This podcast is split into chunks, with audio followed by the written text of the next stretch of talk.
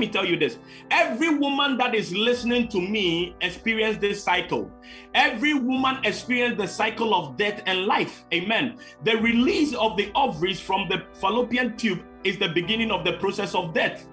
The seed of the sperm of the man prevents the, the, the egg from dying. So death the, the cycle of death and resurrection life actually allows God to live in that time space of the reproductive life. No man can experience the reproductive life without death. Death to God is not what we call death. It is it has another name. And we will come to it. John chapter 12 verse 24.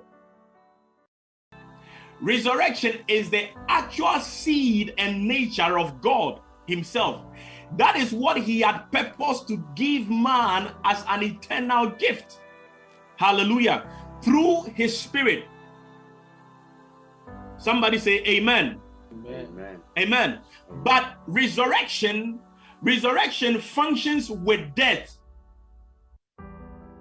Now, because I know that whenever you talk of death, people think is the devil. The devil never created death. The devil does not have the power to create death. Amen. Death is actually a law that was passed by God. He said, The day you eat of this, you would die.